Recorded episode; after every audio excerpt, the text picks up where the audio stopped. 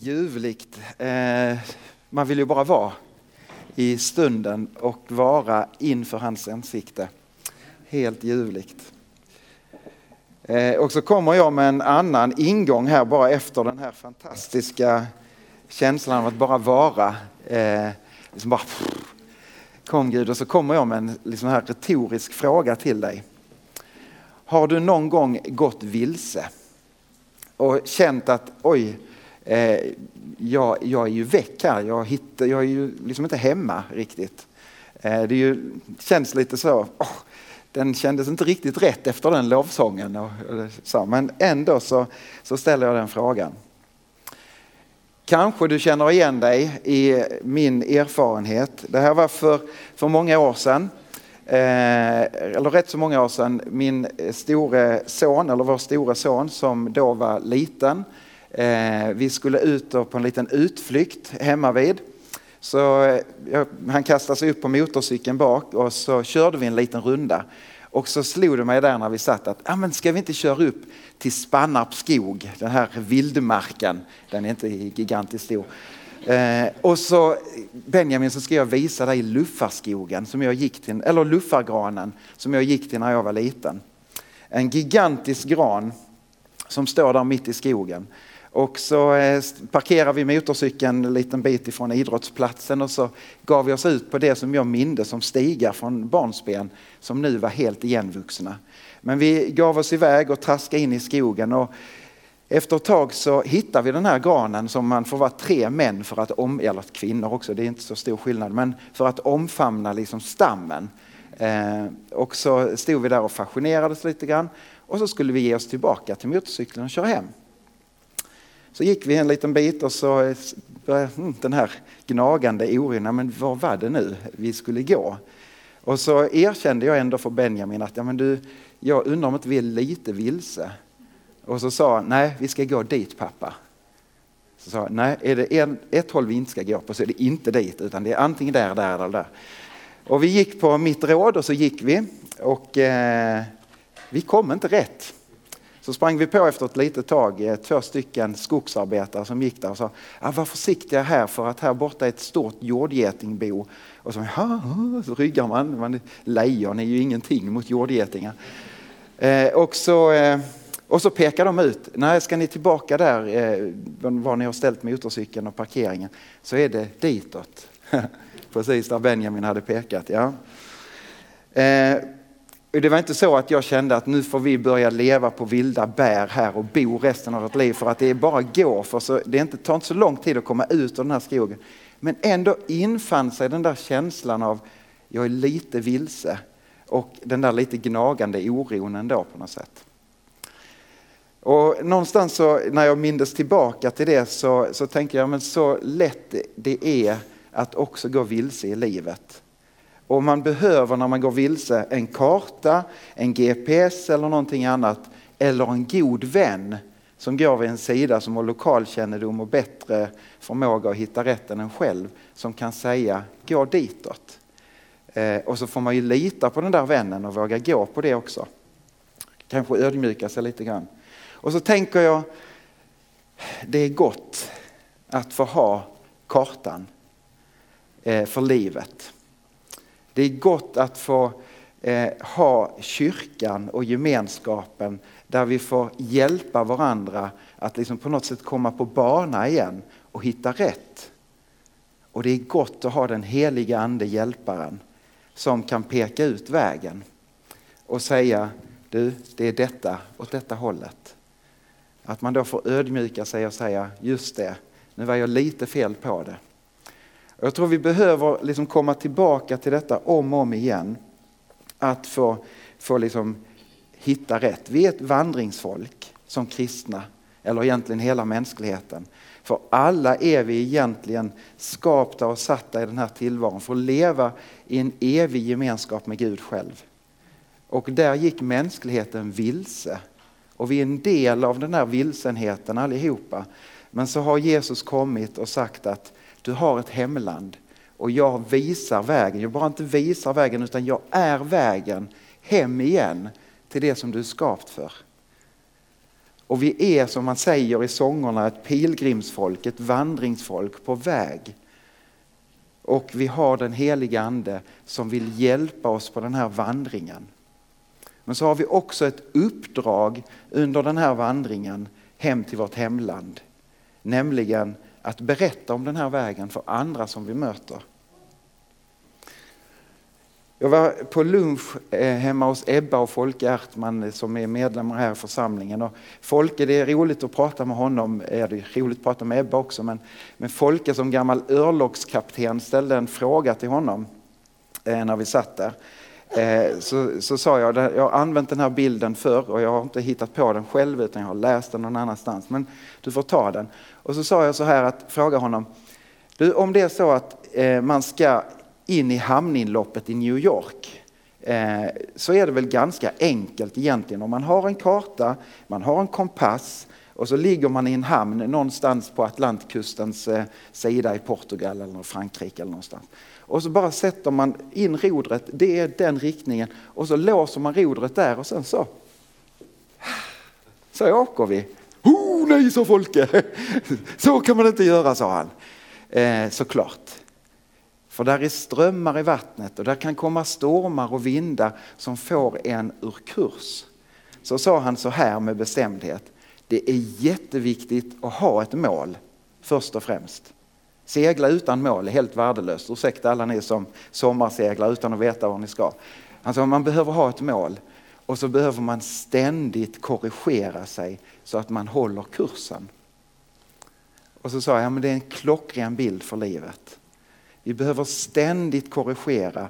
Det handlar kanske inte om att oh, jag kommer så fel så att jag måste göra en helomvändning.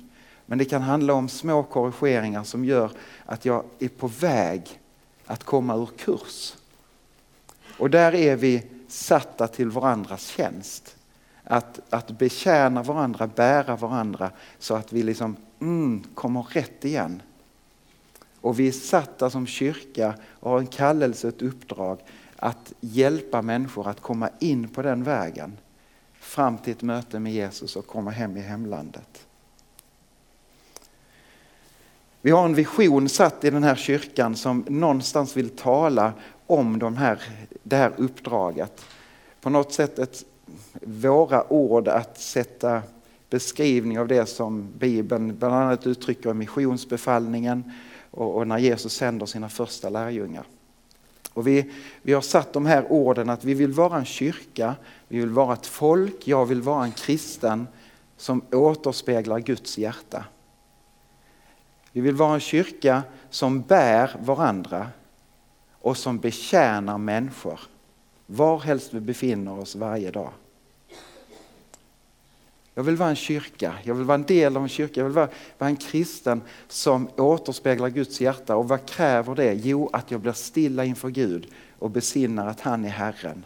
Och bara låter honom få, få belysa mitt liv och så be om nåden att det får studsa på mitt liv eller igenom mitt liv så att Guds kärlek får strömma ut i världen. Det kräver den här riktningen.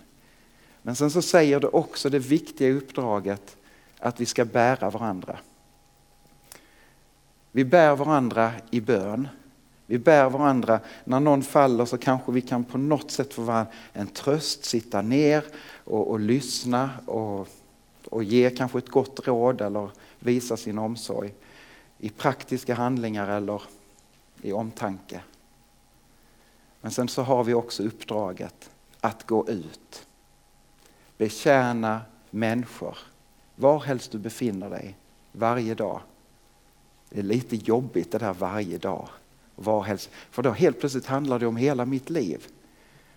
Det är inte bara när vi kommer samman utan vi är kyrka, vi är Kristi kropp, vi är Jesu utsträckta händer var helst vi befinner oss varje dag.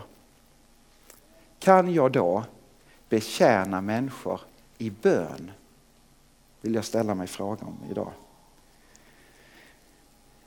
Och som grundplåt när vi pratar om detta, för det blir så lätt att vi blir också går vilse i detta när vi börjar prata om att vi ska göra någonting, att vi har ett uppdrag. Det måste alltid börja och grunda sig i att vi är. att vara ett Guds barn. Det är inte någonting vi gör oss till utan det är någonting som vi får ta emot och vara. Och två bibelord eh, in i detta. Först ifrån Titusbrevet 3 och 4 och några verser framåt. Där står det så här. Men när Guds, vår frälsares godhet och kärlek till människorna blev uppenbara så räddade han oss. Inte därför att vi har gjort några rättfärdiga gärningar utan därför att han är barmhärtig. Och han gjorde det med det bad som återföder och förnyar genom den helige Ande. Genom Jesus Kristus, vår frälsare, har han låtit anden strömma över oss för att vi genom Guds nåd ska bli rättfärdiga och så som det är vårt hopp vinna evigt liv. Det är ett ord att lita på. Paulus han uttrycker det också i brevet till Efesos. I kapitel 2 och vers 8 och framåt. Ty av nåd är ni frälsta. Genom tron, inte av er själva. Guds gåva är det. Det beror inte på gärningar, ingen ska kunna berömma sig. Vi är hans verk, skapade genom Kristus Jesus. Till vad då? Jo, till att göra de goda gärningar som Gud från början har bestämt oss till. Så där är någonting att leva i konsekvensen av att Gud har skänkt oss gåvan att få vara Guds barn. Att göra de goda gärningarna. Att gå på uppdraget som Jesus ger, ger oss som kristna. Gå ut och gör alla folk till lärjungar. Möt människor, be för människor, lyssna på människor. I, igår när vi satt med styrelsedagen så när vi bad tillsammans så, så fick vi på något sätt en bild som kanske var från Herren på något sätt. Eh, när vi bad så, så såg jag som eh, en stor jättetung sån här metallverktygslåda som bara sattes ner över den här platsen på något sätt som bild för, för församlingen. Där sattes ner och så hann jag liksom tänka, åh vad spännande att lyfta, där är huggmejslar och allt vad det nu är där inne. Men så var det som i den här bilden, eller hur jag ska uttrycka det, så öppnades den och så var den alldeles full av hjärtan. Sådana här röda hjärtan. Och så gick ett hjärta ut till ett annat hjärta och satte sig sidan om det. Och, för mig blev det bara, wow, ja just det. Det handlar om att, att bara få gå ut och dela livet och, och be att det här får återspegla Guds hjärta i ord och handling och kanske också i bön.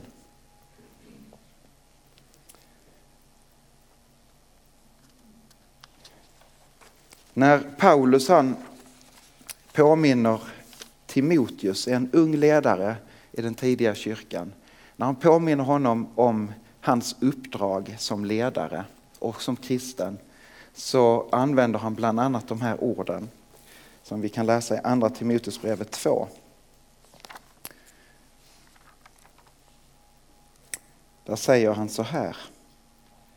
Först och främst uppmanar jag till bön och åkallan, till förbön och tacksägelse för alla människor, för kungar och alla som har makt så att vi kan leva ett lugnt och stilla liv, på allt sätt fromt och värdigt.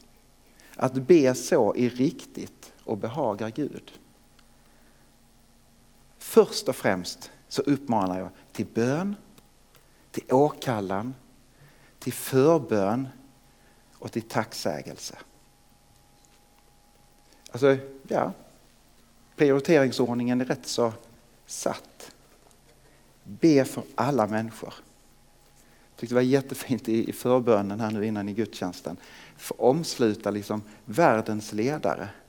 Vi har ett, på något sätt ett redskap en, som, som sträcker sig över nationsgränser på andra sidan jordklotet för att Gud är närvarande överallt och har en ingång överallt. Och av någon anledning så inbjuder han oss att vara en del i det genom att be.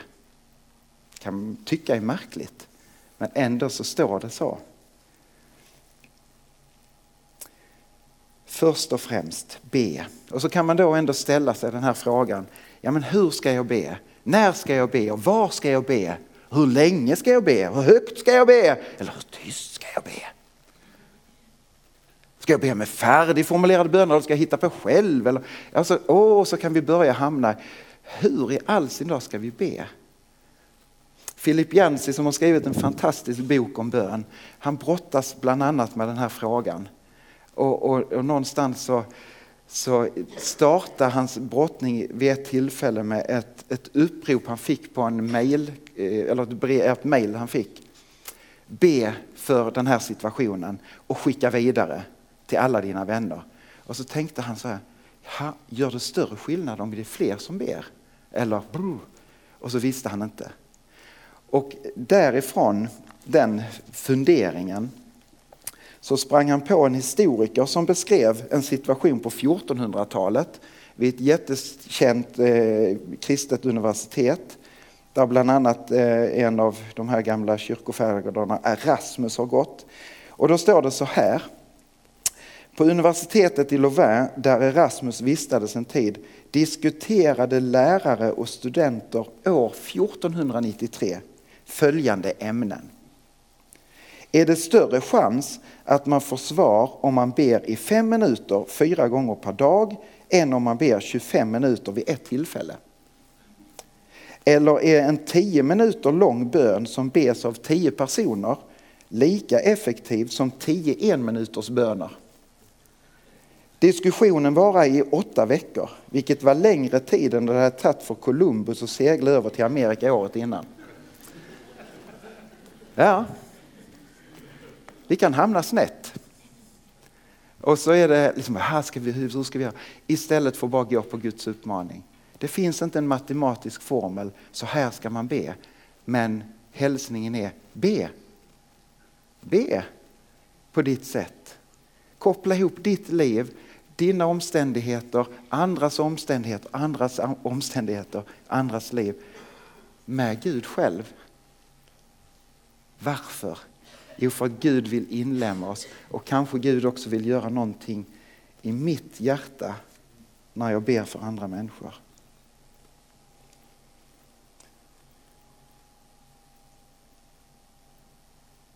Vi ber ju egentligen för alla människor i Herrens bön. Låt ditt rike komma, låt din vilja ske. Där ligger en, en, liksom en himmelsk omsorg om hela mänskligheten, tror jag. Men så en dag så tror jag att vi behöver bli uppmuntrade och jag tror att vi är många som ber och har våra bönebarn och bönesituationer och så. Men, men också att, att faktiskt våga ta de där obekväma stegen utifrån sin comfort zone och fråga människor som vi möter, får jag lov att be för dig? Och eftersom jag inte har någonting att berömma mig i mig själv, utan jag går på, på Guds ord, att vi, det, det är Guds verk alltihop, så vågar jag ändå drista mig på att dela några personliga erfarenheter. Eh, inte för att säga att oh vad duktig jag är, för, för det är jag inte. Eh, det är inte lättare att vara präst och, och gå fram till en människa och fråga, får jag lov att be för dig? Ibland kan det kanske vara en hjälp med den där teologiska stödkragen som jag kallar det. Eh, men, men vi sitter i samma båt. För vissa är det jättenaturligt, man är superspontan och kan säga vad som helst till vem som helst. Och någon annan tycker det är jobbigt att nästan gå fram och fråga vad kostar mjölken? Alltså, och vi ska ha respekt för det, absolut. Du ska inte göra övervåld på din personlighet, men där är kanske någonting av att våga sporra varandra till att närma oss detta att be för andra människor. Jag vill ta några exempel vad som har hänt eh, under de här senaste åren i mitt möte med, med Rögle och, och den liksom, säga, tjänst, delen av tjänsten som jag får lägga där. För ett antal år sedan, nu kommer jag inte ihåg vilken säsong detta var, men jag tror det var nästan eh, första året som, som vi liksom hade den här kontakten så spelade en ung spelare i A-laget som stod precis i brytpunkten in i seniorhockeyn. Eh, som tidigt på säsongen bröt foten Eh, han spelar nu i Växjö, kommer att spela final och kommer förmodligen spela i NHL nästa år. Det här beror inte på min förbön, eh, det vill jag först stryka under. Men eh, Erik Martinsson, en skön kille. Och det, det gjorde så ont i mitt hjärta att se honom hoppa rundor på kryckorna på träningarna. Så minns jag vid ett tillfälle där, där jag hade, stod i, i den här spelargången in på isen och han stod och tittade på de andra och, och hängde lite grann. Och så kommer den här. Hallå? Eh, alltså, och så gömmer man sig bakom någonting och blir försiktig. Och det, man ska vara ödmjuk och försiktig. Det handlar inte om att bräscha på. Men helt stilla så bara jag men hur är det med foten? Och, det där, så. och så kom jag övervann allt mod liksom som jag kunde uppbringa mig och så övervann jag liksom rädslan. Och så sa du jag är ju präst och kristen. Det här kanske låter jättekonstigt för dig men får jag lov att be för dig och för din fot? Och vet ni vad han svarade? Ja. Och så, jaha. Mm, satte mig där och så på gipset där och så, och så bad en enkel bön. Gode Gud omsluta hur jag nu formulerade.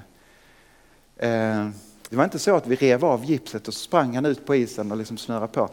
Men han uttryckte bara en sån stor tacksamhet efter. Tack! En publikvärd som jag sprang på som några år tidigare varit med i en trafikolycka. Han kunde knappt gå fram med, med sin käpp och hade jätte, jätteont. Och, och sa, har det blivit värre i din rygg? Ja, och nu ska jag opereras. Jag ska steloperera och jag vet inte om det kommer att ta mig till rullstol eller om jag kunna, kan liksom fortsätta gå. Och jag bara liksom, får jag lov att be till himlens Gud för dig? Ja, sa han. En som jobbar i, jobbar i köket som, som eh, ringde för, för något år sedan. Och de hade haft en, en tragedi i, i familjen som, som gjorde att han mådde riktigt dåligt. Och hans fru säger till honom, du har inte ni en sån där hockeyprälle i organisationen? Ring honom. Ja, ja, jag ska göra det. Och så ringde han och så tog vi en lunch tillsammans och, och satt och, och pratade och delade detta. Och så, så säger jag till honom, du det här kanske låter konstigt för dig, men får, är det okej okay om jag ber för dig? Så säger han, du, jag tror mycket mer än vad du tror. Mm. Jag går kanske inte till kyrkan, jag borde göra det, jag vet. Men, och så helt plötsligt sitter han där och, jaha, och fick en fantastisk bönestund. Ja, där sitter Lars. Jag och Lars var förbi ishallen en, en lördag och det är alltid spännande att gå och be där för det går ju oftast rätt dåligt för Rögle så det är ständigt behov av, av förbön. Så kom en av eh, vaktmästarna, eller materialförvaltarna och sa, här, vad gör ni här? Så, så ja, vi är ute på vår bönerunda så vi bara stannar till och bara här. Han bara tog oss i hampan direkt. In med oss i omklädningsrummet. Nu stänger jag dörrarna här. Nu ber ni. Jaha. Och då är det så skönt att slå följe med Lars. För att när vi hade bett där en stund och gick ut i om, eh, där så tänkte jag att eh, jag då är min försiktighet, tack så mycket, nu går vi. Så, då ställer frågan Lars, får vi be för er också? Och vet ni vad de svarar? Ja. Och så fick vi be för materialförvaltarna och de uttryckte verkligen en sån stor tacksamhet sen. Det gör någonting när vi ber önskan hos mig i de tillfällena det är att Gud ska få bryta in i deras liv. Men det släpper jag till Gud. Men jag är också så tacksam vad det gör i mitt hjärta. Och jag vill inte gå och be för en annan människa för att jag på något sätt, oh vad duktig jag är. Så. Men det blir ändå en konsekvens.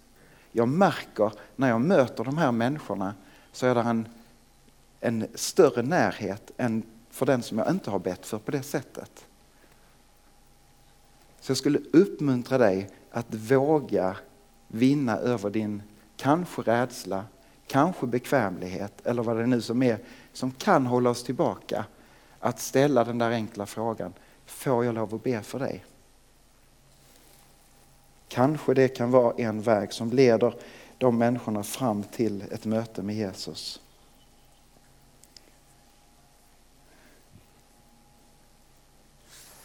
Det är någonting om att i detta eh, be om renade motiv. Varför gör vi detta? David Hubbard han säger så här. Den renaste formen av kärlek, det är den som vi ger utan att förvänta oss någonting tillbaka. Och med ett sådant mått mätt är uppriktig bön för andra människor en storartad kärlekshandling. Att be. Först och främst uppmanar jag er till bön och åkallan, till förbön och tacksägelse för alla människor. När jag satt med, med min förberedelse i veckan så, så kom jag också att tänka på ett sånt här tillfälle som har drabbat mig några gånger när jag har suttit och väntat på någon så har jag tagit fram telefonen och tagit kontaktlistan och så har jag börjat scrolla och så ber för de människorna som finns i kontaktlistan. Så är det den och så är det den och så dyker det. Och så, jättehärligt sätt. Men så kom jag att tänka på någon som berättade om, som hade fått utmaningen att be för nummer det, det, det, den här veckan. Och så, så bara helt stilla så jag slängde iväg en bön till Gud. Ja men ge mig en siffra. Och så tänkte jag, ja men Psaltaren 23 är bra. Så jag letar upp 23 i listan på min telefon. Och så kommer Basirs namn upp. Basir som jag fick möta för eh, ja, förra sommaren. En kille som, som kom från Afghanistan, kommit till tro eh, på Jesus, konverterat, döpt sig och eh, sitter nu i förvaringen i Åstorp i väntan på utvisning. Eh, jag får komma in i den här fängelseliknande situationen och fira nattvard med honom och be tillsammans med honom. Och så fick vi några möten. Men sen så gick tiden och så, ja, så blev det inte att jag åkte dit flera gånger. Så dök han upp i telefonen i veckan och jag började be för honom igen. Ja, men Gud, vad har hänt med Basir? Är han tillbaka skickad eller vad har hänt? Och i morse innan gudstjänsten här så kunde jag inte låta bli utan jag ringde honom och väckte honom. Eh, och så var jag, det är Magnus, kommer du ihåg mig? Vi möttes. Var är du nu någonstans? Du vet, jag har fått uppehållstillstånd. Jag är tillbaka i Örebro. Eh, tack. Tack för att du delar. Och vi möts på bönens bro är ett fint begrepp. Det kan få komma fram. Jag tror att det är någonting av en otroligt positiv rörelse när vi, när vi får stega in i detta ännu mer och, och på något sätt uppmuntra varandra till, till bön, till åkallan, till förbön och tacksägelse. Vi får be för varandra, vi får bära varandra i förbönen. Och det ska vi verkligen ta vara på. Men det är också en gåva oss given i mötet med människor som ännu inte tror på Jesus. Får jag be för dig? Jag har aldrig mött en människa som har sagt nej det får du inte. Jag har aldrig mött någon som har sagt det här kändes jätteobehagligt, gör aldrig om det vad du än gör. Utan där är en tacksamhet faktiskt varje gång. Ska få be tillsammans. Och eh, sen ska vi få höra på en sång som, som får tala om detta. Vi ber. Tack kära himmelske far för att du är den som, som kallar och uppmanar oss till att gå ut med evangeliet om dig. Att vara din utsträckta hand i vår tid, den här veckan som kommer. Jag vill inbjuda dig helig Ande att hjälpa oss att se kanske någon som vi ska ställa den där frågan till. Jag inbjuder dig helig Ande att ge oss mod att göra det. Jag inbjuder dig helig Ande att göra det verk som du vill, kanske genom den handlingen. Tackar dig Jesus att det finns kraft ut i bedjande händer när vi mot allmaktens Gud, där vi oss mot dig vänder. I Jesu namn. Amen.